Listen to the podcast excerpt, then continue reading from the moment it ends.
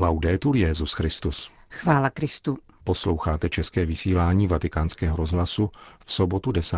prosince.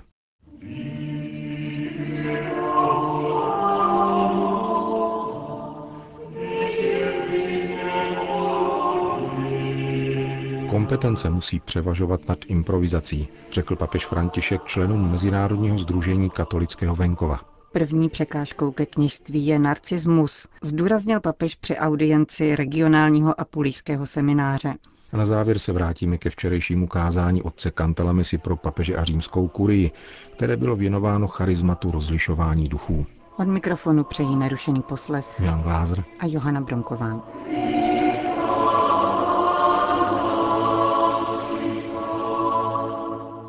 Zprávy vatikánského rozhlasu. Vatikán. Papež František přijal 60 účastníků schůzky Mezinárodního združení katolického venkova. Tato asociace, založená v roce 1962 a o tři léta později uznaná svatým stolcem jako Mezinárodní katolické združení, je zastoupena v 54 zemích, mezi nimiž vedou azijské státy a reprezentuje zhruba 7 milionů zemědělců. Římská schůzka se věnovala především problému drobných zemědělců.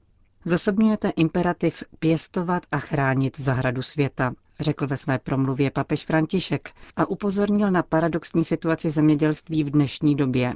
Na jedné straně není považováno za primární hospodářský sektor, ale na druhé straně se hrává podstatnou roli v rozvojových politikách, v nerovnováze v zajištění výživy, stejně jako v životě venkovských komunit.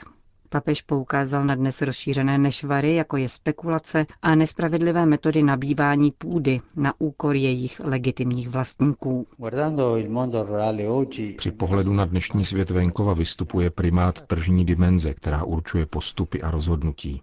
Zisk především. I za cenu rezignace na rytmus zemědělského života, práce i volného času, volných dní v týdnu a péče o rodinu. Obyvatelům venkova nezbývá než konstatovat, že rozvoj není pro všechny stejný jako by život rolnických komunit měl nižší hodnotu. Solidarita, na níž se hojně apeluje jako na prostředek nápravy, je nedostatečná, pokud ji nedoprovází spravedlnost v otázkách vlastnictví půdy, mest zemědělců nebo v přístupu na trh.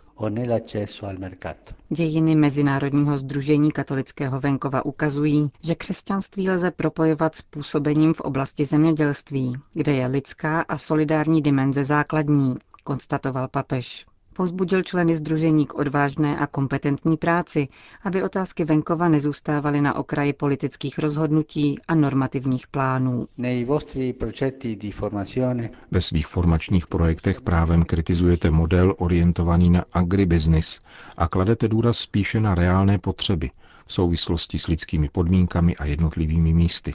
Tímto způsobem se nejen předchází ztrátám a plítvání v produkci, ale také nerozvážnému užívání technik, které pod záminkou bohaté sklizně mohou zničit rozmanitost druhů a bohatství biodiverzity. Kromě toho neznáme důsledky pro lidské zdraví. Když vidíme tolik tzv. vzácných chorob, o jejichž původu nic nevíme, stojí to za zamyšlení. Svatý otec konstatoval, že úkolem nevládních organizací zakořeněných v sociálním učení církve je především stavět mosty a podílet se na změnách strategií a projektů při spolupráci s mezinárodními institucemi. Vatikán. Identita kněze byla tématem dnešního setkání papeže Františka s komunitou regionálního apulijského semináře Pia 11. Papež se vrátil ke své promluvě k italským biskupům, kde charakterizoval kněze na základě jeho přináležitosti k pánu, církvi a království. Jak řekl, tato přináležitost nepřichází automaticky po vysvěcení, pokud již dříve není pozorně a zodpovědně pěstována a chráněna. Předně slovo přináležitost v sobě nese ideu cítit se součástí celku.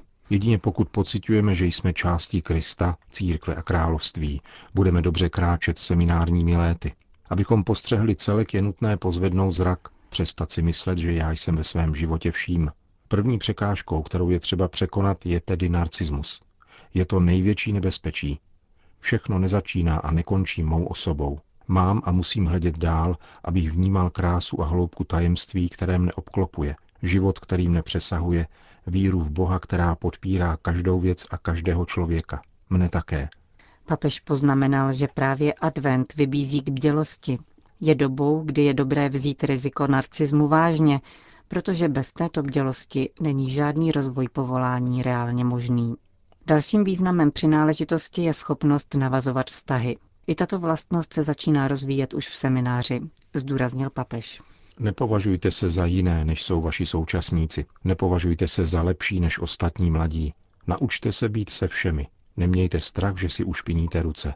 Jestliže zítra budete kněžími, kteří žijí uprostřed svatého božího lidu, buďte již dnes mladými, kteří dokáží být se všemi, kteří se s pokorou a inteligencí dokáží něčemu přiučit od každého člověka, kterého potkávají. Základem všech těchto vztahů ať je vztah ke Kristu. Čím více ho budete poznávat, naslouchat mu, spojovat se s ním v důvěře a lásce, tím více berte jeho lásku za svou.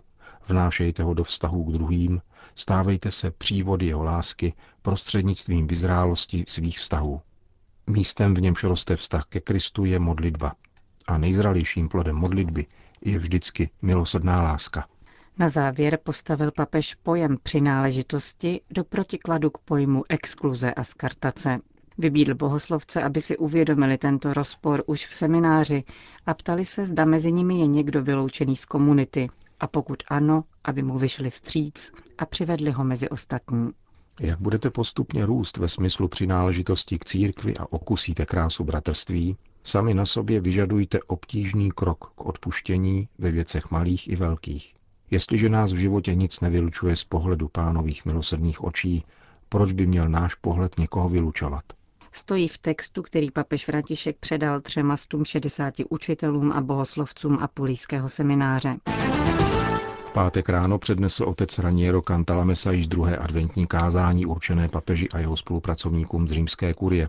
Tématem tohoto kázání bylo zvláštní charisma rozeznávat, jakým duchem se co nese, řečeno slovy apoštola Pavla. Tímto výrazem byl původně označován dar, který umožňuje rozlišovat mezi inspirovanými či prorockými slovy pronášenými ve schromáždění věřících, tedy mezi slovy, která pocházejí z Kristova ducha a těmi, která pocházejí od jinut, to znamená buď od člověka nebo od zlého ducha, či z ducha tohoto světa. Také pro evangelistu Jana je tento smysl zásadní. Znamená zkoumat duchy, zdali jsou z Boha. Základním kritériem rozlišování je podle Pavla vyznání Krista jakožto pána. Podle Jana zase vyznání, že Ježíš přišel jako mesiáš v těle, tedy vtělení. Již Janem počínaje se rozlišování začíná používat teologicky jako kritérium pro rozlišení mezi pravým a falešným učením víry, tedy mezi pravověrností a herezí, což bude později jeho ústřední význam. Otec Cantalamessa potom poukázal na dvě oblasti, ve kterých se dar rozlišování hlasu ducha uplatňuje, totiž církevní a osobní. Na církevním poli je toto rozlišování uplatňováno autoritativně učitelským úřadem církve, který bere do úvahy také sensus fidelium, tedy smysl věřících pro víru. Chtěl bych se zastavit, řekl papežský kazatel, u jednoho zvláštního bodu, který může pomoci při diskusi, jež v církvi probíhá nad některými jednotlivostmi.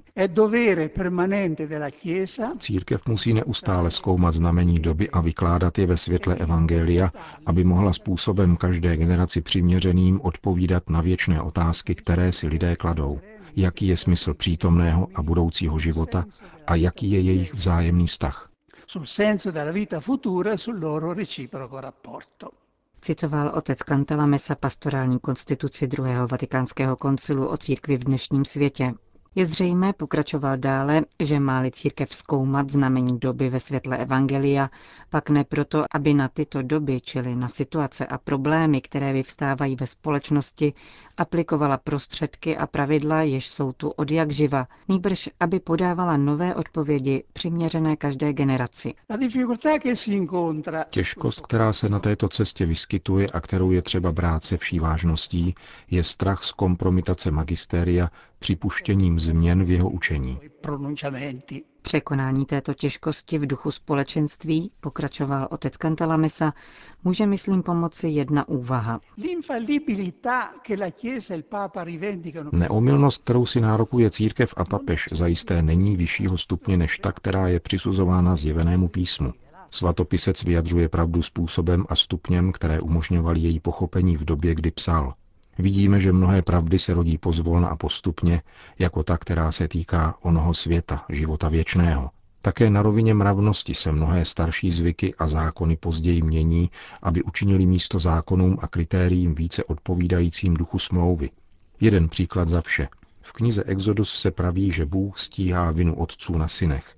Avšak Jeremiáš a Ezechiel řeknou opak, tedy že nebudou trestány viny otců na synech, ale každý, že je zodpovědný za svoje činy. Ve starém zákoně je základním kritériem lepší porozumění duchu smlouvy a tóry. V církvi je to neustálé pročítání evangelia z hlediska nově kladených otázek. Víme, že stále pravidlo Ježíšova jednání v evangeliu ve věcech morálky zhrnují slova odmítat hřích, přijímat hříšníka. Nikdo není přísnější než Ježíš při odsouzení nepoctivě nabitého majetku. Avšak on sám se nechává pozvat k Zachejovi, kterého svoji jednoduchou vstřícností změní. Odsuzuje smilstvo, dokonce i to, které se dokonává v srdci, ale odpouští cizoložné ženě a navrací jí naději. Obnovuje nerozlučnost manželství, ale rozmlouvá se Samaritánkou, která měla pět manželů a vyjevuje jí tajemství, které nikomu jinému nezdělil tak explicitně, když jí říká, já jsem Mesiáš. Teologické zdůvodnění této distinkce mezi hříchem a hříšníkem je prosté, pokračoval papežský kazatel. Hříšník je tvor, kterého Bůh učinil ke svému obrazu a má vlastní důstojnost navzdory všem úchylkám. Hřích však není dílem Boha, nýbrž dílem jeho odpůrce. Proto se nám Kristus připodobnil ve všem, kromě hříchu. Důležitým faktorem rozlišování ve znameních doby je biskupská kolegialita. Duch vede církev dvěma různými způsoby, někdy přímo a charismaticky zjevením a prorockou inspirací, jindy kolegiálně, trpělivou a obtížnou konfrontací a dokonce kompromisem mezi různými stranami a hledisky. Petrova řeč v den letnic a v Kornéliově domě se velice liší od té, kterou pronesl později, když odůvodňoval svoje rozhodnutí před staršími. První způsob je charismatický, druhý kolegiální. Otec se pak přešel k rozlišování v osobním životě. Týká se hodnocení situací a směrování rozhodnutí konkrétního člověka nejenom na základě kritérií lidské moudrosti a rozvážnosti, níbrž také ve světle nadpřirozených principů víry.